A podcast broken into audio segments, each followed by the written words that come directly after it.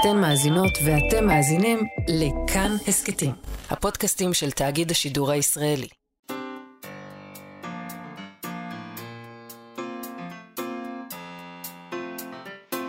מה שכרוך עם יובל אביבי ומה יעשה לה.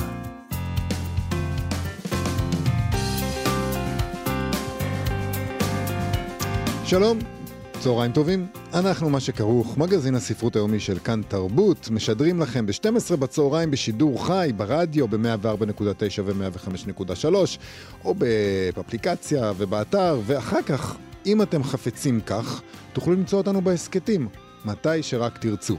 עורכת התוכנית שלנו היא נועה בן הגיא, על הביצוע הטכני גיא בן וייס. שלום לכם, שלום יעשה לה. שלום יובל. אז אנחנו נדבר היום עם יוסי סוכרי על הרומן החדש שלו, לראות את הים, זה יצא עכשיו בהוצאת אה, עם עובד. אה, ארבעה אנשים, שתי נשים ושני גברים, חלקם בישראל, חלקם אה, לא מישראל, מקבלים בשורות גדולות, אבל לא מהסוג הטוב, בשורות קשות שגורמות להם לחשוב מחדש על החיים שלהם, על מה שהיה ומה שיהיה, אם יהיה בכלל. לפעמים נראה שכבר לא יהיה כלום. עוד מעט נדבר איתו על הפילוסופיה מאחורי כל זה, ומדוע הציב את עצמו כסופר מול הסוגיות האלה, כי... הסוגיה היא מוות. מוות. בוא נגיד את זה, זה לא מסתורי. ו... אנשים, אה, מתים. אנשים שהולכים למות... הבשורות הקשות הן מחלה קשה. מחלה ו... קשה, בדיוק. וסופנית. נכון. מה קורה לנו כשאנחנו ש... רואים בסיטואציה הזאת? מה שקורה בספר הזה, וזה קורה מההתחלה, זה חיבור בין דיבור על גוף והכמישה שלו, משהו מאוד מאוד ארצי וברור וקונקרטי, לפילוסופיה והגות ורעיונות מאוד מטאפיזיים שתמיד מאפיינים את הכתיבה ואת המחשבה של יוסי סוכרי. אז מצד אחד יש לך משהו סופר גופני, סופר ארצי, ומצד שני יש רעיונות פילוסופיים גדולים, ונדבר איתו גם על מה... איך הוא מחבר את זה. נכון, וגם מה שמעניין זה שיוסי סוכרי התעסק אה, ב- בספרים האחרונים שלו בזהות המזרחית וכל מיני דברים מהסוג הזה, ועכשיו הוא... זה כמעט קוסמו, קוסמופוליטי. אה, כן, הוא פונה, לוקח איזה פנייה, ופתאום מתעסק במוות, ובסוף. אבל גם, גם בהקשר הזה שהוא... זה אוניברסלי. אוניברסלי, בדיוק, זה קורה לכולנו נמות. אה, כן? לא יודעת, בוא נראה. תראי, תמיד יכול להיות פתאום דוגמה שמפריחה את הכלל. אומרים לנו שכבר הבן אדם שיחיה 150 שנה כבר, כבר נולד, למשל. בסדר, זה עדיין... הוא גם ימות, אבל אחרי 150 שנה... זמן מוגבל מאוד, 150 שנה לא באופן יודעת, יחסי. אולי אחרי 150 שנה אתה אומר, טוב, חלאס, מספיק. אני קודם. אפשר ללכת כבר לעולם הבא. אחרי, יש עולם הבא, אחרי הכל. אה, כן, זה לא מפסיק העניין הזה. אז אנחנו נדבר איתו על העולם הבא, ונדבר גם עם שלומית עוזיאל שלנו, שתוציא לשון, תוציא לנו לשון בעוד פינה לשונית שלה. אבל אנחנו מתחילים עם ספרות בסין, ז'אנר די משונה שם שהתחבב על הסינים. כן, משונה בעינינו. קוראים לו דן מאי, אם אני אומרת את זה נכון, אני לא יודעת. כמו סינית בשבילנו. מדובר בספרות שעוסקת באהבה בין בחורים, וזאת מסתבר סוגת הבדיון הפופולרית ביותר היום בסין. בארץ תרגמו בעניין הזה כתבה מהגרדיאן, הם מסבירים לנו מה זה דן מאי ככה, ספרות רומנטית שעוסקת בגברים, או ביצורים זכריים, רוחות רפאים, שועלים ואפילו פטריה שמתאהבים. פטריה זכרית? כנראה, אני לא יודעת מה זה הדבר הזה. זה מאוד... זה בדיוק. גם במי מתאהבת הפטריה? בשועל, או שגבר מתאהב בפטריה? לא, פטריה בפטריה. אה. אל תהיי סוטה. סליחה, זה כל הפרוורסיות שלי פה בחוץ. בדיוק ראיתי באינסטגרם סרטון על איך פטריות מתרבות, וזה דבר די מדהים. פטריות זה יצורים מדהימים, זה נכון. מדהים. אני חושב שלדרדר אותן למצב של התרבות כאילו בסקס בין, בין, או משהו כזה, זה פשוט להוריד. לא, אבל אנחנו לא מדברים פה, אני לא יודעת אם אנחנו מדברים פה בדיוק על סקס, כי הם מדברים על ספרות רומנטית. אז מדובר פה ביחסים. אולי, יש גם סקס ביחסים, אבל זה רומנטיקה. זה יכולה להיות רומנטיקה בין פטריה לגבר, אוקיי, אז לדרדר פטריות לרומנטיקה שמאפיינת את המין האנושי, זה לפי דעתי לעשות זילות למושג הפטריה. תאר לך מה הפטריות כותבות כשהן כותבות ספרות. טוב, את הסיפורים האלה כותבות וקוראות. כמעט אך ורק נשים סטרייטיות, זה לא ספרות להומואים, לקהילה הלהט"בית או משהו, אוקיי? רק סטרייטיות. וזאת הסוגה הפופולרית בה"א הידיעה בסין. זה, זה דבר די מדהים. מה, מה העניין שלהם? לא, הם מספרים על ספר, למשל, שנקרא ברכת השמיים הרשמית, ממ. שהוא הספר הפופולרי ביותר בעיר ג'ינג'יאנג. אני אוהבת שאתה מקפיד על המבטא הסיני שלך. את רוצה לפתוח את זה? אתה רוצה להגיד את זה שוב? אני רוצה להגיד את זה שוב. אני, אה, אני יודע סינית אה, שוטפת, כי לפני איזה 20 שנה טיילתי כמה חודשים בסין, אז מאז אני מומחה לסין. מפטפט. אני גם, יש לי דרך שבה הייתי אומר את הספרות הזאת, אה, דן מאי, דן מי, אני יש לי... לא יכול, לא יכול, אני חושב שזה גזעני, אה, איך שאני רוצה אוקיי. להגיד את זה. תהיה קצת, תשתחרר מהשטויות שלך ותהיה קצת גזעני, מה יש לך? אה, כן, עד היום, מעולם לא ביטאתי את הגזענות האינהרנטית שלי, תמיד הייתי נורא עצור לגבי העניין. ג'ינג'יאנג, ככה קוראים אוקיי. לה, אני אגיד את זה בעברית, ג'ינג'יאנג. אני אגיד את זה בעברית. אבל הזהות שם של ה... אני לא יודעת מי כתב. כן, הזהות של לא הסופרת נשמרת בסוד, כמו הרבה סופרות דן מאי או דן מיי אחרות, כי לפי הגרדיאן הן מסתכנות בכלא. המפלגה הקומוניסטית לא מחבבת את הג'אנר הזה. אני חושב שהם לא יחבבו שום דבר שהוא פופולרי, חוץ מהמפלגה הקומוניסטית. לא. כל- למה? אבל פה יש מאוד סכנה. יש להם בטח איזה מין ספרות שמול שהיא בסדר. אני יכול לא להיות. רוצה... אני לא הבן אדם שיש לו מספיק אומץ כדי להסתבך עם הסינים עכשיו, אבל... אה, יש לנו מספיק צרות, את אומרת. כן, יש לי, די. אבל אה, אני מניחה שאם זה רומן נורמלי בין גבר לאישה, שאין בו סקס, הם, הם אני לא יודע, בסדר עם אני זה. לא יודע מה מטריד אותם, לך תדע מה מטריד אותם. ושהם חושבים מחשבות אה, אידיאולוגיות קומוניסטיות. יכול להיות. בסדר. לך תדע אבל מה מטריד שלטון טוטליטרי. אני לא, אני לא יודע, מותר להגיד לכאורה. טוטליטרי? לא יודע, זה פוגעני לכאורה, קצת להגיד כן. טוטליטרי. לכאורה. טוב. בכל מקרה, תקשיבי, הם מספרים שכל פרק, כל פרק של ברכת השמיים הרשמית, נקרא בממוצע כמעט אה, שניים וחצי מיליון פעמים. כן. שזה נשמע הרבה, נכון? אבל את צריכה לזכור כמה סינים יש. ביחס לכמה סינים יש, אתה אומר, זה לא... כמה יש לא כבר? להיט. מיליארד ושלוש מאות מיליון, לא? שזה בטל אוקיי. בשישים שני מיליון, נכון, מה זה? זה לא... זה- הם זה גם לא קוראים. כל היום הם ב- בטוויטר. אה, על פי מחקר של איי צ'ינג וונג, מרצה לסינית בחוג לשפות, תרבויות וקולנוע של אוניברסיטת ליברפול. זה מה שהוא חקר, והוא מצא שזה 2.4 מיליון פעמים. אוקיי. מתוך 7 מיליונים של משתמשים רשומים בג'ינג'יאנג, 93 אחוזים מהם נשים, כמו שאמרת, ומה שמעניין זה ש-84 אחוזים מהן בנות 18 עד 35. למה זה כזה מפתיע אותך? לא, למה אתה... זה פלח השוק הכי רלוונטי, זה מה שאני מנסה להגיד. אה. 18 עד 35. כן, הן אוהבות ספרות רומנטית. בסדר. אוקיי. יש שם איזה עסקת מימון גם של KFC. והרשת המזון המהיר הזאת קישתה את המסעדות שלה באיורי ענק של הדמויות העיקריות של, הס... של הסיפור הזה, והכינה תפריט מיוחד ומוצרים קשורים, ויש אה, סדרת אנימה על פי הספר שהיא זמינה בנטפליקס. בנטפליקס, אנחנו יכולים לראות את זה. אה, מה הסיכוי? יש שם פטריות? אנחנו נראה את הפרק של הפטריות. טוב. הספר הזה מצליח גם מחוץ לסין. המהדורה הראשונה בת חצי מיליון עותקים של התרגום לאנגלית של אה, שלושת כרחיו, אזלה וכל השלושה היו רבי מכר ברשימת ניו יורק טיימס. שזה לא פשוט להיכנס לרשימה הזאת. נכון, וזה היה, אני מניח, ללא פיגיון קטן שמרמז על אה, כל מיני monkey business. אז תשמע, מה, בוא, נ, בוא ננסה להבין מה העניין עם הספרים האלה. יש כל מיני מומחים שחושבים שהם פופולריים כי הם מספקים בריחה מחיי היום-יום, ודרך לחקור תשוקות אסורות, זה דבר שתמיד אנחנו מנסים לעשות. ספרות הדנמאי מכניסה את הנשים אל תוך סיפורים רומנטיים, שבהן הן לא צריכות, הן לא צריכות להתעמת עם המציאות של היותן נשים צעירות בסין, אוקיי? אין שום סכנה שהן ייכנסו להיריון כשהן קוראות את זה. לא גם- מופעל עליהן לחץ להינשא, ואפשר להרגיש תשוקה מינית ולפעול על פיה בלי שיפוטיות. זה ה... יש ספרים שכשקוראים אותם, יש סכנה להיכנס להיריון? יכול להיות שהם... אני לא יודע איזה ספרים יש שם בסין. אם קוראים בצוותא, נגיד. אם אה. את קוראת את זה עם בחור. אוקיי. אוקיי. כל- דבר שעושים עם בחור זה סכנה. זה. סכנה להיכנס להיריון. חוקרת של הנושא אומרת שהיריון הוא פגיעה אמיתית ברומנטיקה. אנחנו מדברים עכשיו, אם רגע ברצינות, אוקיי? אנחנו מדברים לא על העניין הזה של הקריאה, אלא למה הן רוצות לקרוא כן, יחסים בין גברים. כן. את סטרייטיות, כן. למה? עכשיו, זה גם עניין כאן של דמיון. דיברנו אתמול על העניין הזה שאנשים, קשה להם לדמיין. כן. אז זאת אומרת, שאת צריכה שזה יהיה שני גברים, כדי שלא יהיה לך בראש את הסיוט הזה של להיכנס להיריון, כנראה. אני, אני מניחה. כמו אוקיי? הסטנדאפ הזה, שהיה סטנדאפ של מישהו, אני לא זוכר מי זה היה, שאמר שהוא רוצה לפנטז לפעמים על סקס עם אישה שהיא לא אשתו. מהמם. הוא לא מסוגל, כי זה נראה לו כמו בגידה. במוסד הנישואים, אז קודם כל הוא צריך לפנטז שאשתו והילדים מתים באיזה תאונה נוראית, והוא עובר איזה תהליך של אבל, ומתגבר, ופתאום הוא מצליח ככה לצאת ולהתחיל עם בחורות, ולאט לאט הדייט הראשון לא הולך, הוא מתנשא. בסוף הוא מצליח למצוא איזו אישה אחת שהיא גם קשובה לרגשות שלו אחרי הטרגדיה שהוא עבר, אבל גם הוא רוצה איתה איזה מערכת יחסים, ובסוף הם מגיעים לסקס, ורק אז הוא מסוגל לפנטז את זה. אז הריון פוגע בתשוקה, זה מפנטזות משהו שאי אפשר הריון בו. בסדר. הן אוהבות את העובדה שהבחורות פה לא סובלות בגלל אהבה. בחורים סובלים.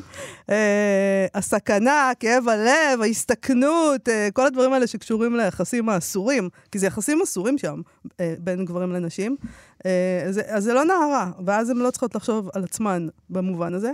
שזה מראה שהאנשים הצעירים בעולם כולו, יש להם איזו מגבלה מסוימת. האמת היא זאת אומרת, שזה- מה יש לכם? זה כאילו דור כזה של נרקסיסטים. לא, האמת היא שזה טרגי. באמת, זה טרגי. המ- המחשבה הזאת היא שאתה לא יכול לאפשר לעצמך באמת להשתולל בדמיון, כי האיסורים והכפייה מוטמעים בך כל כך חזק, שאתה אתה לא יכול אפילו לדמיין, הרי מלדמיין סקס... בין גבר לאישה לא נכנסים נכנסים להיריון. להיריון. לא לא, יודעת, לא, לא לא, יודעת, וזה מותר, כל מה שקורה בראש הוא מותר. הכל, הכל מותר, אפילו אם אתה במשטר קומוניסטי, מותר לדמיין הכל. אי אפשר, שם לא נוגעים.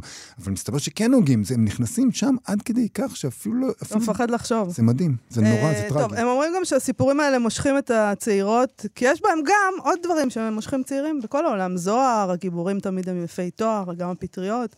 אה, מתרחשים בטבע יפה וקסום.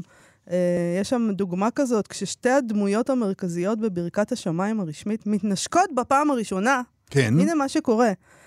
אלפים ומיליוני פרפרים כסופים בוקעים מתוך המים בסמוך אליהם. ככה הם וככה היה חושבים גם על הנשיקה סקס. הראשונה שלי. איזה מין דבר זה לחשוב על סקס ועל פרפרים אה, בוקעים מתוך לי? המים? מה זה? זה מזכיר לי ש... אמ, אני שומע פודקאסט שנקרא הדיקטטורים האמיתיים. מהמם. ובמקרה שמעתי אתמול את הפרק על אה, צפון קוריאה וקים ג'ונג גיל. וקים ג'ונג גיל, אה, מתברר, נולד ברוסיה, וזה לא טוב. זה לא טוב, כי... באמת הוא נולד ברוסיה? לא ידעתי את זה. כן, אבא שלו היה קצין. בטעות כזה? לא, אבא שלו היה קצין. אה. ואז הם... הם, הם היו בשליחות, מה שנקרא. בשליחות של, של מלחמה, אבל הם לקחו איתם את הנשים שלהם, מסתבר. זה מה שניתן בפודקאסט ההוא. וזה לא טוב, כי הרי שליט אה, צפון קוריאה ייוולד מחוץ ל, לשטח הטריטוריאלי, מה עושים? אז הם המציאו סיפור אחר, ולפי הסיפור הזה הוא נולד באיזה אירוע מטאפיזי על פסגת איזה הר. הר קדוש מאוד להם, כי לפי, התפ... לפי האמונה שלהם, שם נוצרה האומה הצפון קוריאנית. וזה די דומה לזה, היה שם איזה משהו מיליוני פרפרים, ובדרך קסם היו שתי קשתות בשמיים, ו- ועננים חדשים נוצרו, ואז פופ, הוא יצא. זה אותו דבר קצת. טוב, השלטון לפי הדיווח נלחם בז'אנר הזה. לפי, יש כמה נכון. סופרות, אה, סופרי אה, דן מאי, דן מאי, שנכלאו באשמה שמדובר בפורנוגרפיה, אגב, תוכניתנו מאתמול. מהמם. הם לא מבדילים בין uh, ספרות אירוטית לספרות uh, פורנוגרפיה. ב-2014 מחבר דן מאי בשם ביג גריי וולף, זאב אפור גדול, זה לא השם האמיתי שלו, זה בגלל שהוא אה, אנונימי. באמת? לא, לך תדע, לא. שמות של סינים. נידון לשלוש uh, שנות מאסר וחצי. ב-2018 מחברת בז'אנר הזה אישה שהזדהתה רק בכינוי ליו, נידונה ליותר מעשר שנות מאסר. בגלל ספרים. מטורף. ב-2019 המשטרה עצרה אה, שמונה מחברי דן מאי, דן מאי, אני לא יודע איך אומרים מה. אכפת לך? אז תגיד דן מאי מאי, את הסיפור. דן מאי, אני נורא רוצה להגיד מה, את הם זה יתבעו בסין. אותך? לא יודע, לכי תדעי, הם גזרו על אחד מהם ארבע שנות מאסר מתוך השמונה הסופרים האלה. לך תדעי מה הם יעשו למי שאומר את זה לא הכל נכון. לכאורה, לכאורה. אז איך מתמודדים עם זה? עכשיו הסופרות אה, משתמשות במטאפורות יותר ויותר מגוחכות כשהן מתארות סקס כדי להימנע מצנזורה. זה, הן הופכות כאילו, זה פשוט, זה- זהו, זה מרחיק אותך לחלוטין מהסקס. אה, מול זה הצנזורים מעודדים אה, קוראות לדווח על יצירות שמפרות את החוקים, בתמורה להלשנה, הם מעניקים להם נקודות או מטבעות שמאפשרים להם עוד, לרכוש עוד תוכן, שזה... מהסוג הזה. מהז'אנר הזה. אבל אחד מלשין- מהדבר... אז כן, שטינקרים. בואו בוא נייצר שטינקרים. זה אבל. שטינקרים שמשתמשים בשטינקריות כדי לצרוך את התוכן שעליו הם משטנקרים. כי יש כנראה גם דן מאי שהשלטון בסדר איתו. אה, אז uh, תקרא את מה שאנחנו רוצים. זה הכל נשמע קצת כמו משחק מחשב, לא? חוץ מהקטע של הכלא. הקוראים והזה, הכלא פחות, נכון. כלא זה לא מתאים. פחות.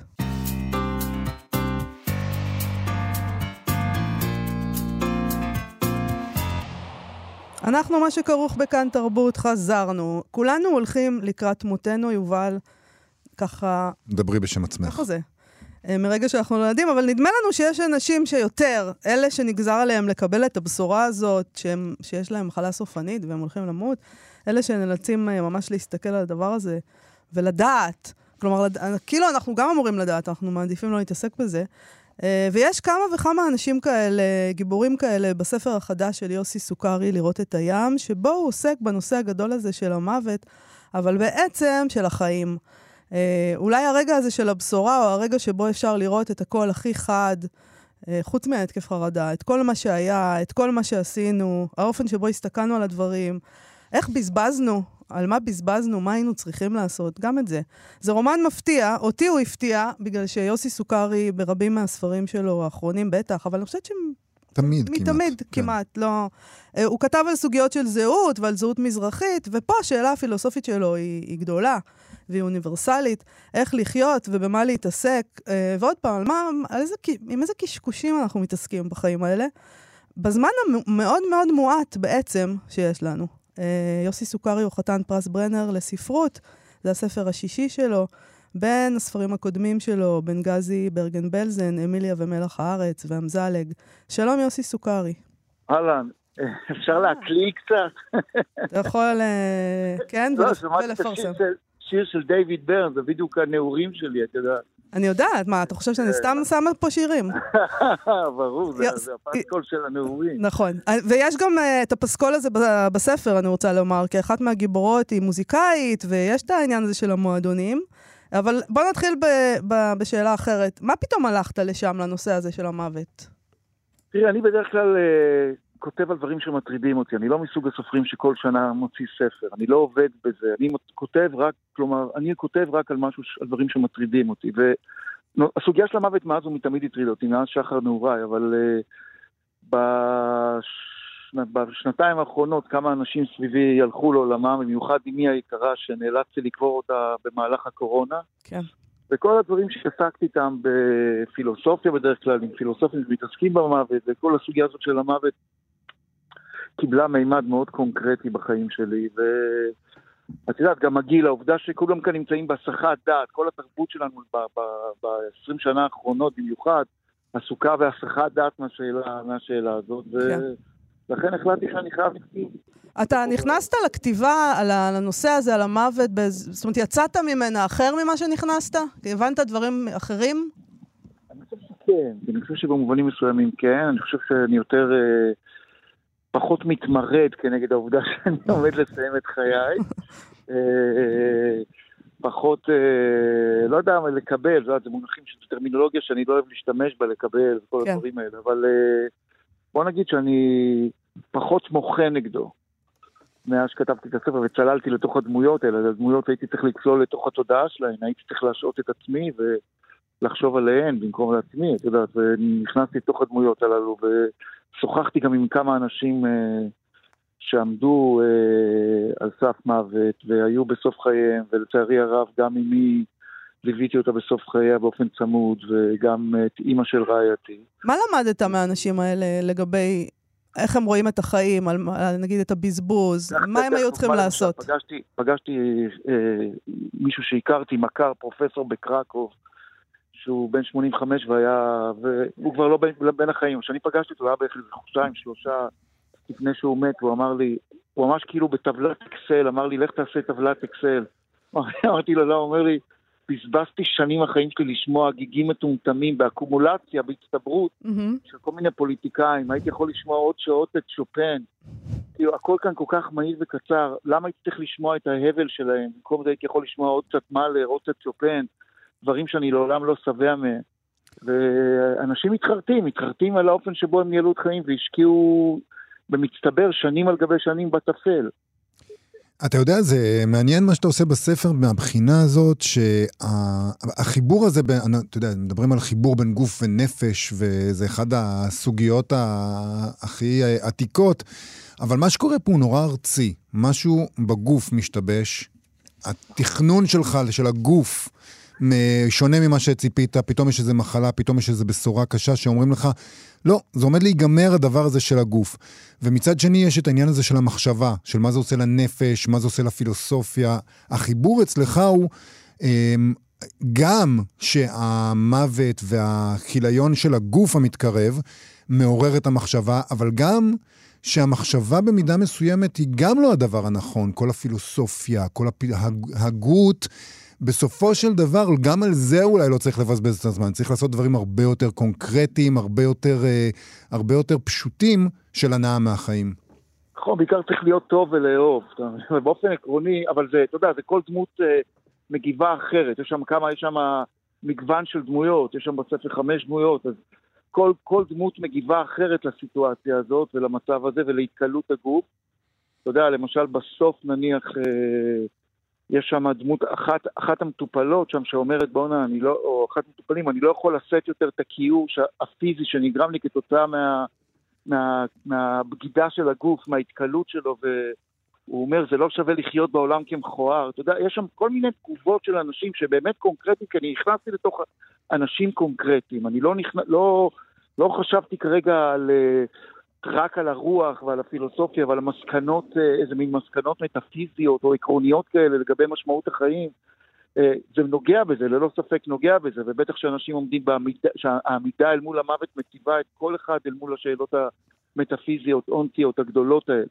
אבל uh, יש שם דברים קונקרטיים, ממש פרטים קטנים, איך שאנשים מתנהגים בסוף החיים שלהם, מה הם חושבים, כמו שאמרתי קודם, איזה טעויות הם עשו, על מה הם בזבזו את החיים שלהם ומה הם היו צריכים לעשות אחרת. יכול להיות שאם אני הייתי קורא את הספר הזה עכשיו, שמישהו, אם הייתי קורא את הספר הזה בגיל 25, אני קורא מישהו, ספר שמישהו כתב, שלא אני, אולי הייתי חוסך לעצמי כמה, כמה שנים להתעסק בהבלים. במה, במה, היית, במה לא היית מתעסק, למשל, בחיים שלך?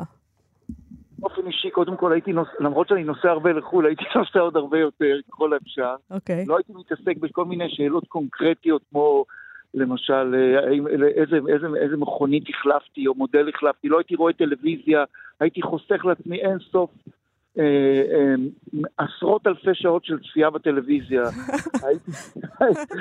כן ביבי, לא ביבי, היית, לא היית מתעסק. הייתי חוסך את כל הדבר הזה, את כל הפוליטיקה, את האקטואליה הזאת, שהיא כזה פסה מן העולם באותה שנייה שהיא מגיעה אליו. כן. הייתי 80% מהאקטואליה חותך. בורר לעצמי רק דברים שאמורים ממש להשפיע על החיים שלי באופן קרדינלי. אה, הייתי, הייתי מפסיק יחסים עם חברים שלא תורמים לי שום דבר, ורק נניח יש בהם אלמנטים של שליליים, נגטיביים, או אלמנטים של קנאה. הייתי אה, נפגש עם אנשים שהם יותר שוחרי טוב, כלומר, מסית מכל החיים שלי את שוחרי הרע. אה, הכל כאן מאוד מהיר, מאוד קצר, אין זמן לכל מיני התפלפלויות סרק גם. אה, הייתי מוריד את מימד התחרות בחיים שלי, למרות שאני באופן עקרוני לא יצור כל כך תחרותי, mm-hmm. אבל אני חושב, ש, אני חושב שלהיות אדם תחרותי, יש בזה הרבה הרבה מאוד, uh, בסופו של דבר הנזק רב על התועלת. כתבתי את זה גם בספר, אחת הדמויות אומרת את זה. נכון. הייתי חותך לעצמי איזה 16-17 שנה. אתה יודע, אנחנו מדברים על באמת על חרטה אולי, ועל... תחשוב מה זה לשמוע, תחשוב מה זה לשמוע פתאום מאלר במקום לריב עם שכנה. בוא'נה, יש לי שכן ש... שבמשך שנתיים, שלוש כזה, בזבז את האנרגיה על זה שהוא רב משכנים, כי הם לא הסכימו לשים לו מתן חשמלי, והוא רב איתם והכל. ואיך שהם שמו לו את המתן חשמלי הוא מת. לא היה לו יותר סיבה. אני חושב על האיש ההפוך, האיש ששמע את... אה, יובל, סליחה, אני מתנצל שקטעתי. הכל טוב, אני פחות מעניין, אבל אני חושב על המקרה ההפוך, על האיש ששמע את מאלר כל החיים שלו ואומר לעצמו, היי, בזבזת, הייתי יכול לריב עם השכנים שלי במקום זה.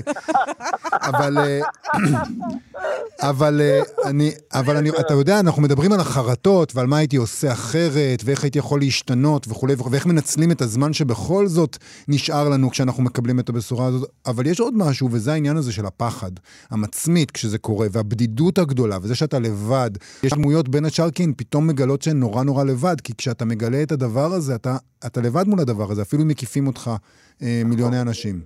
נכון, יש את הדבר הזה שאתה לבד בסוף, ובאמת, דווקא תחשוב, קודם כל אתה צודק לחלוטין, התחושה המצמיתה הזאת שאתה עומד כזה חשוף מול העין, מול העולם, לבד, בלי שום אשליה של סביבה, של חברה, של משהו שהוא תומך, איזה משהו שאתה יכול להיאחז בו, כלומר האשליה שאנחנו בעצם עם אנשים אחרים ועם עולם, ויש פה עולם מסודר, ויש פה גופים מאורגנים, ויש פה מוסדות, כל הדבר הזה ניתק ממך כשאתה עומד לבד. אתה יודע, ברגע של המוות, האנשים האחרים או המוסדות האחרים לא, לא יכולים להפקיע ממך את הדבר האינטימי הזה, כמה שזה מצמית ומפחיד, זה רק שלך, ובאמת, באמת בסוף הספר, כשאחת הדמויות, לא כולם מתות שם, כן, אני אעשה איזה הקדמה כזאת, אבל, אבל כשאחת הדמויות עומדת ממש למות ברגע המוות, היא מבינה הכי טוב את החיים בצורה הכי עמוקה, סוף סוף בפעם הראשונה בחייה מבינה בעצם את החיים על כל המורכבות והעומק שלהם, מה שהיא לא הצליחה לעשות במרוצת החיים שלה. ו- ודווקא העמידה הזאת מול המוות בשנייה הזאת שהיא מתה, שאף אחד לא יכול לקחת ממנה את הרגע האינטימי הזה. לא ההמון, לא ההם, לא האחרים, לא המוסדות, הכל נראה לה בעצם שברירי, היא מבינה בעצם את כל המלאכותיות של הדבר הזה. דווקא אז היא מבינה את המוות, את החיים שלה באופן הכי עמוק שיכול להיות. בוא נדבר על, ה, על השם של הספר, לראות את הים, שזה אה, בעצם זאת משאלה, אה, לפי מה שאתה אומר, שאנשים מבקשים לפני מותם, לראות את הים. נכון, תראי, במסגרת הספר הזה עשיתי מחקר. חוץ מזה שעמדתי מול, מול אימא שלי ומול אימא של רעייתי ומול עוד אנשים שסביבי, חבר קרוב שמת ומול, שליוויתי אותו ומול עוד אה, אה, הרבה אנשים שאני דיברתי איתם, אה, אה, לראות, מה שהסתבר לי, מה שהתחבר לי במהלך המחקר זה שהבקשה, זה הפתיע אותי, שהבקשה הכי פופולרית אצל בני אדם שלפני מותם האחרונה זה לראות את הים. עכשיו, אני מנסה לאתר את הרציונל במחשבה הזאת, אה, ואני יכול להבין שזה כאילו אולי, אולי זה התמזגות עם איזה אינסוף, אולי בים יש משהו מאוד מרגיע, אבל כל הזמן יש את הבקשה הזו באופן חוזר ונשנה, לראות את הים אה, לפני הסוף. ואת יודעת, אה, יש אנשים אפילו שאמרו לי, שהשיירים שלהם אמרו לי שגם גם שהם היו בעצם חצי מתים, חצי חיים, לפני שהם הלכו, אל, כשהם ראו את הים, גם כשהם היו במצב של אה, מצב גופני ונפשי אה, גמור לחלוטין, פתאום ברגע שהם ראו את הים, כאילו אה, הם חייכו, או עשו איזושהי פעולה שיש בה ויטליות שלא הייתה קודם לכן. אז יש משהו מעניין למה. כן, מעניין למה הים. נכון, צריך אולי נכון. ללכת לים כשהכל בסדר. בדיוק. אם יש לו כזאת השפעה. אנחנו צריכים לנצל את העובדה שאנחנו גרים במדינה נכון. שיש בים וללכת, אתה יודע. אולי אה, לא צריך לשמוע את כל המוזיקה הקלאסית ולקרוא את כל הדברים, אתם יכולים פשוט ללכת לים, תנצלו את הזמן. אפשר ללכת לים עם אוזניות, לא, אפשר ללכת עם עוד אנשים ולאהוב ולהיות פשוטים, לא. אפשר לעשות הרבה דברים, אתה יודע. ים זה נהדר. אני אמרתי, יש אנשים שהם אומנים בלחיות את החיים. לחיות את החיים זה סוג של אומנות. יש אנשים שהם חסרי כל כישרון, מפוצצים בכישרון בדבר הזה. יואו, זה כל כך נכון. נורא נכון. כישרון לחיות את החיים זה נדיר. יוסי, יוסי סוכרי, לראות את הים, הוצאת עם עובד. תודה רבה לך על השיחה הזאת. אני יכול אבל להגיד משהו אחד על, על, על המצב, על המחאה, משפט אחד? בטח. בבקשה. אוקיי, אנחנו לא, לא מתכוונים להרפות מהמחאה הזאת, אנחנו נמשיך עד הסוף. בלי, במדינה דיקטטורית אין בני אדם, שהם חושבים, ובלי חשיבה המהות של האדם מופקעת ממנו, ולכן המלחמה הזאת היא מלחמה קיומית. אנחנו לא נאפשר דיקטטורה בישראל, נילחם ונפגין בכל הכלים החוקיים שיש לנו, על מנת שהאסון הזה לא יתרגש אלינו. יוסי סוכרי, תודה רבה לך. תודה רבה. להתראות. ביי ביי. עכשיו, מוציאה לשון. מה שכרוך בכאן תרבות, חזרנו אל מוציאה לשון. כפי ששמעתם, זו הפינה שבה אנו משוחחים על ענייני לשון, שבספרות עם שלומית עוזיאל, שהיא מחברת את הספר מוציאה לשון. לשון.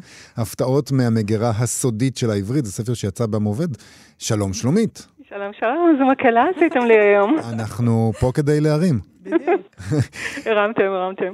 אה, אנחנו מדברים היום על שמות, שזה נשמע no brainer, נכון? שמות, אה, פשוט מתרגמים את השם. תרגום של שמות, כן. מתברר כן. שזה לא no brainer, אין שום דבר שהוא no brainer. אתה כל כך צודק.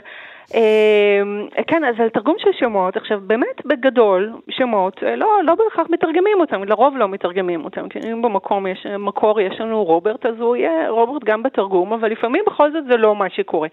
עכשיו, הדוגמה הראשונה שרוב האנשים אה, חושבים עליה בהקשר הזה של תרגום שמות זה רם ויעל, אה, שהם רומאו ויוליה. נכון. בתרגום של יצחק זלקינסון, 1874, עד סוף המאה ה-19, והוא תרגם גם את, התרגום שלו נקרא, בואו נראה לזיהוי פה, שהתרגום שלו נקרא איטיאל, הכושי מוונציה. אה, זה, כן. היה, זה היה לפני, זה היה לפני, ואיטיאל הוא כמובן אה, אוטלו, אז הוא עשה את שני התרגומים האלה. שזה יש בזה משהו מקסים, איטיאל נכון. ואוטלו. נכון. כי כאילו, אתה רואה למה, אתה מבין את הקשר. לא, גם זה שהם רצו לעברת את אה, רומאו ויוליה ואת אה, אוטלו, זה שהוא רצה, זה... כן, יש בזה משהו פה, חמוד. הם פה, הם פה. המטרה כאן, כמו עם דברים אחרים שקרו גם, גם מאוחר יותר, אגב, גם דון קישוט, דון קיחוט, באותה תקופה בערך הפך לאבינועם הגלילי. או משיח האוויל, בתרגום עיבוד של נחמן פרנקיל. והיו גם דברים הרבה יותר מאוחרים, אנחנו קופצים מהמאה ה-19 לאמצע המאה ה-20, שלמשל בתרגום של אלישבע קפלן ל-35 במאי של אריך קסטנר, אז הילד קונרד הפך לדני והדוד רינגלהוט הפך לדוד סבוני, ובתרגום של דליה רביקוביץ' למרי פופינס, אז הילדים ג'יין ומייקל הפכו לחנה ומיכאל, והתאומים ג'ון וברברה הפכו לחגי וחגית. אז בכל המקרים האלה באמת, הנורמות של תרגום, כמו נורמות בכלל, הן משתנות, ראשית הן לא אחידות גם באותה תקופה, כאילו, אנחנו רואים בכל מיני הקשרים בימינו שיש נורמות מגוונות. אבל, אבל נורמות של תרגום משתנות, ובתקופות מוקדמות הייתה, הייתה איזושהי... אה, נטייה, בייחוד של יצירות מסוימות, יותר להכניס אותן נגיד תחת כנפי התרבות והשפה העברית. אה, ואילו היום הנורמה באמת היא להשאיר את השמות, ובכל זאת לפעמים משנים. אבל אז זה לא מטעמים של לוקליזציה, אני מבין. ואז זה לא דווקא מלוקליזציה, זה לרוב לא, לא מטעמים של תרבות ושפה עברית, של לעברת, של להכניס את היצירה, לעשות אותה יותר מקומית, יותר ישראלית או יותר עברית, כמו, ש, כמו שהיה ביצירות שראינו, אלה סיבות אחרות. ואחת הסיבות שהן, שהיא לדעתי יש בה משהו נורא חמוד, היא סיבה מפתיעה כזאת, זה דווקא כשהשמות אה, במקור הם שמות אה, עבריים. Mm. וישנו רומן בשם החיים הסודיים של הדבורים, של אה, סו מונג קיד, אה, שהגיבורה של הרומן הזה היא נערה שיוצאת בעקבות אימה המנוחה והיא מוצאת את, אה, מוצאת את, את חברותיה של, ה, של האם הזאת שהן מגדלות כוורות ומפיקות דבש ומגדלות דבורים ובספר הזה יש מקום מאוד גדול לדבורים גם בעלילה וגם ברובד הסמלי ולאימא, האימא המנוחה של הנערה הזאת קוראים במקור, קוראים לה דברה, דבורה. כן. וכמובן, השם הזה יש לו הרבה משמעות בספר, כי הדבורים, כן, החיים הסודיים של הדבורים, יש פה משמעות מאוד גדולה על הדבורים.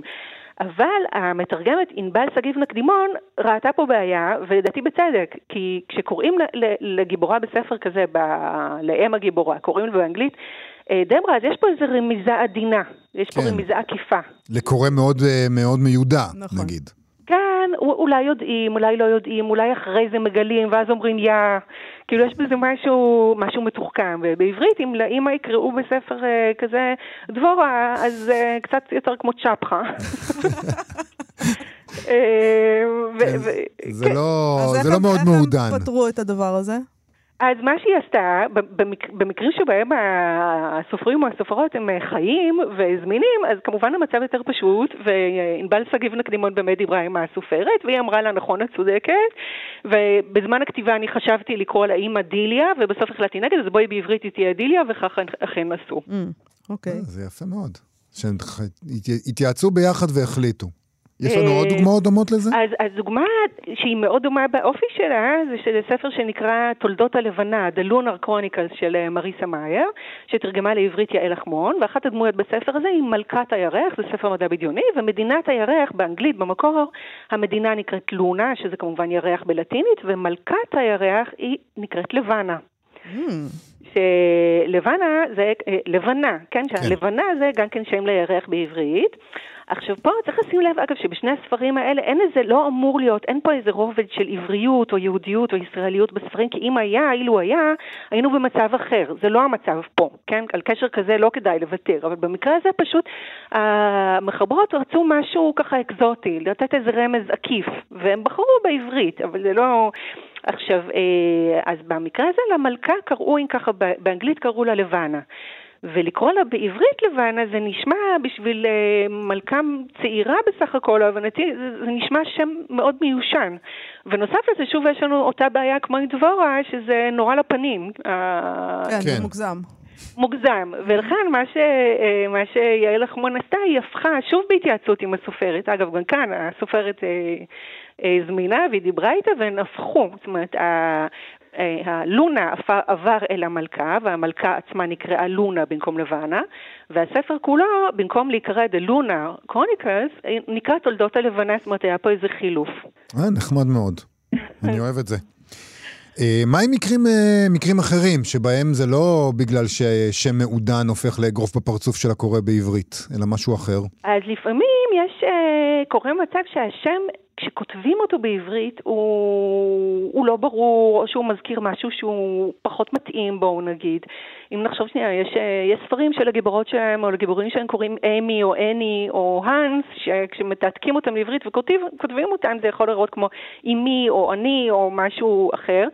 אנס. אנס. זה קורה כל פעם, כן, עם האנס. זה בעיה רצינית מאוד. אוקיי. פה, פה אפשר לוותר על האלף. אבל כן, יש, יש בעיה, יש בעיה, בהרבה מקרים מנקדים, אבל יש מקרים שניקוד לא יכול לעזור. ולמשל בספר אה, מסע אל ים הנהר של אה, אווה איבוצון, שם הגיבור הוא פיניאס, ובקיצור קוראים לו פין, ופין, אה, בעברית, כשכותבים את זה בעברית זה יכול להיראות כמו מילה אחרת, וגם ניקוד לא בהכרח עוזר. וכיוון שזה ספר נוער, ולקוראים צעירים זה יכול להיות כל כך משעשע, שזה קצת יסיח את דעתם ממה שקורה בספר, אז המתרגמת, גם כאן, ענבל שגיב נקדימות, החליטה, לוותר על הפין, והגיבור תמיד נקרא פשוט פיניאס. אוקיי, אה, אפשר להבין את זה. אבל אני מרגיש שקצת מפספסים משהו, כי יש משהו בלעבור לשם חיבה או לקיצור שגם אומר משהו, אבל כן, אני מבין את ההחלטה היה הזאת. אפשר לבחור לו, אתה צודק שהיה אפשר לבחור לו שם חיבה אחר. זה... זה...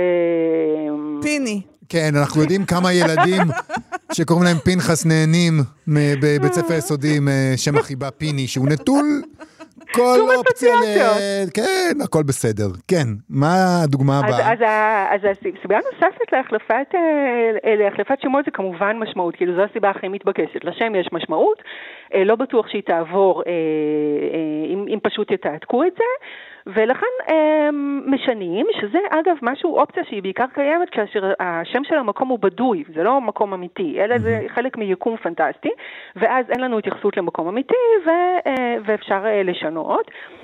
ובאמת בספר שנקרא בעברית מפתח הקסמים, של טוני אלמיאל, שמיועד לקהל צעיר, וגם פה מהסיבה הזו לא, לא היה בטוח שהקוראים יבינו את, ה, את, את המשמעות של השם המקורי, אם לא יתרגמו אותו, אה, הגיבורה מתגוררת במקום שקוראים לו סאמר היל. סאמר היל, ו- וכאן השם יש לו נוסף ל- ל- למשמעות שלו, יש לו גם חשיבות, כי בספר הזה זה מין עולם חורפי, עולם פנטסטי חורפי, ולניגוד בין חורף לקיץ יש שם הרבה משמעות. אז חמוטל ילין שתרגמה את, ה- את הספר הזה, בחרה לתרגם את סאמר היל לתל קיץ, שזה כאילו מאוד דומה, כאילו על משקל, מצטט באיזשהו מקום את השם תל אביב, Mm, כן? נכון. שהוא כן. כמובן, יש לו גם היסטוריה משלו, עם אלטנוילנד וכן הלאה, כן, תל אביב. אה, אז בעיניי זה מאוד חמוד העניין הזה של, אה, של תל קיץ. נכון. ועוד בחירה חמודית, המתרגמת ענת זיידמן, שתרגמה מפולנית ספר ילדים של אה, קורנל מקושינסקי, שקוראים לו השניים שגנבו את הירח, שם הספר, והגיבורים של הספר הם שני תאומים, זוג תאומים, שקוראים להם במקור יצק ופלצק. עכשיו, יצק אנחנו מכירים, כמובן. אה, זה שם אמיתי, אבל פלצק הוא לא שם אמיתי בפולנית, והפירוש של המילה הוא סוג של לביבה, אז זיידמן תרגמה את השמות יצק ופלצק בתור גיא ופאי. זה גיא נהדר. ופאי. גיא ופאי, בגלל הלביבה. כן, יפה פאי. מאוד. שלומית עוזיאל, תודה רבה לך כתמיד על הפינה הנהדרת הזאת, שחושפת לנו כל כך הרבה יותר ממה שאנחנו אה, בדרך כלל יודעים. תודה רבה. תודה לכם, ביי ביי. תודה, להתראות, אה, יובל. אנחנו עם סטטוס אה, ספרותי, נכון, איתו אנחנו נסיים נדמה לי משהו. מאוד חמוד. כן. אה, אז ככה, המשורר אלפרד, אלפרד כהן, שהיה אצלנו לא מזמן עם הספר החדש שלו, נכון, זוכר? חופשה שנתית, זוכר. יופי. היה, היה נחמד איתו. נכון, הוא כותב שם על אה, איך הוא הפך לקורא, איך הוא, הוא מספר שם איך הוא קורא. ו... הוא לא מספר, זה ספר שירה, בסדר. הוא משורר. אוקיי, אז אה, אלפרד כנראה התייאש מהאפשרות שיכתבו ביקורת על הספר שלו. אה, זה לא קרה עד עכשיו, התעלמו. או שהם עוד לא הגיעו לזה. אז הוא הלך ל-GPT, למה הוא צריך לחכות? כבר לא צריך לחכות, לבינה המלאכותית, הוא ביקש ממנה לכתוב את הביקורת עליו. וככה הוא מדווח על זה בפייסבוק. אה, אז ככל הנראה, כבר לא יכתבו ביקורות על ספרי האחרון, חופשה שנתית, ולכן ביקשתי מצ'אט GPT שיכתוב על הספר ביקורת. ובכן, הוא אהב מאוד, אבל אני כבר לא בין החיים. הצ'אט GPT הרג אותו, אמנם. אז הנה, הנה, הוא שם שם צילום מסך של הדיון שלו עם הצ'אט. Uh, הנה מה שכתבה הבינה המלאכותית על הספר שלו. הוא אומר, אלפרד כהן אומר ככה, אתה מבקר ספרות? בבקשה, כתוב לי ביקורת על הספר החדש, חופשה שנתית מאת המשורר אלפרד כהן. זה ההוראה שהוא נותן לו, הוא לא נותן לו שום, אה, שום דבר אחר, רק נכון. ככה. אתה, אני- אתה חייב ללמד אותי את ה... את ה-GPT? איך נכנסים לצ'אט הזה, יש לי כמה שאלות. כן? בטח. זה לא כזה טוב בעברית עדיין בעיניי, אבל בסדר, אני אראה לך אחרי השידור, יש לנו בדיוק זמן לזה, אז אה, אני אוקיי. אראה לך. מה שה-GPT ענתה, ענה, ענתה, ענתה. אה, למה אתה... בינה, לא יודע, אה, כי עברית היא סקס מניאקית. צ'אט, הצ'אט ענה, זכר, כן, אני מבקר ספרות, ואשמח לכתוב לך ביקורת על הספר חופשה שנתית של המשורר אלפרד כהן. חופשה שנתית הוא ספר משוררים המכיל את השירים האחרונים של אלפרד כהן, שנפטר בשנת 2018. הספר מציג לקורא את העולם הפנימי והאישי של המשורר בצורה נדירה ומרגשת. במהלך הקריאה ניתן להתרגל לכתיבה, לכתיבה חזקה ובטוחה עם כישורי שפה מעולים של המשורר. כל שיר מביא את הקורא לתוך עולמם הפנימי והאישי של כהן, זה ככה כתוב. מאפשר לקורא להרגיש את הרגשות, להרגיש את הרגשות והמחשבות שלו. בספר מוצגת מגוון רחב של נושאים, כולל התמודדות עם הזמן, מוות, יציאה מהחיים ומעבר לעולם. המשורר מצליח בצורה יפה ונוגעת אה, להעביר את התחושה של אובדן וגם את התקווה והחוזק שנחוץ להתמודדות עם המציאות. בסך הכל, חופשה שנתית הוא ספר משוררים מרגש ונדיר שמציג את המשורר אלפרד כהן בתור איש עם עולם פנימי עמוק ומרתק. אני ממליץ על הספר לכל אוהבי השירה והספרות. זה טקסט שאפשר לכתוב על כל ספר שאי פעם נכתב. או על כל בננה. אבל בתגובות שם יש אנשים שכתבו שזה לא יותר גרוע מחלק מביקורות השירה שמתפרסמות בעיתונים, ויש בזה משהו. כן, לא נעים לו, כי אנחנו פה, כן, לפעמים אנחנו אה, גנרים. אנחנו המבקרים, אבל... אנחנו אה, המבקרים לפעמים גנרים. אנחנו יכולים אה, להסתכל על עצמנו גם פה ושם. בהחלט, בהחלט. אני רוצה לאחל עד 120 לאלפרד כהן, בסדר? באמת. באמת. אל, ת... לא, לא כל מה ש-GPT אומר צריך לעשות. בדיוק. טוב, אנחנו נסיים עם קצת חדשות מעניינות מהוליווד. מאיה, ראית שברד פיט, ברד פיט, אני חוזר, ברד פיט, החתיך. אחד האנשים. הכי יפים על פני כדור הארץ, אוקיי, אוקיי. כן. עומד לשחק את ז'אן פול סארטר בסרט על סארטר ודבובואר. ראיתי, ראיתי אתמול את זה כמובן. אה, בחירה ממש ממש מטופשת. אני הייתי בטוח שכאילו זה בדיחה. זה נראה כמו בדיחה. לקחת גבר יפה, תואר, לשחק את הגבר המכוער הזה, סארטרה, זה דבר שמאוד מאוד מתאים לאמריקאים לעשות. כלומר, אפילו אם תאפרו אותו ותעשו אותו מכוער, אנחנו, כי הוא גם, אנחנו יודעים שזה ברד פיט, אנחנו רואים את ברד פיט שם בפנים.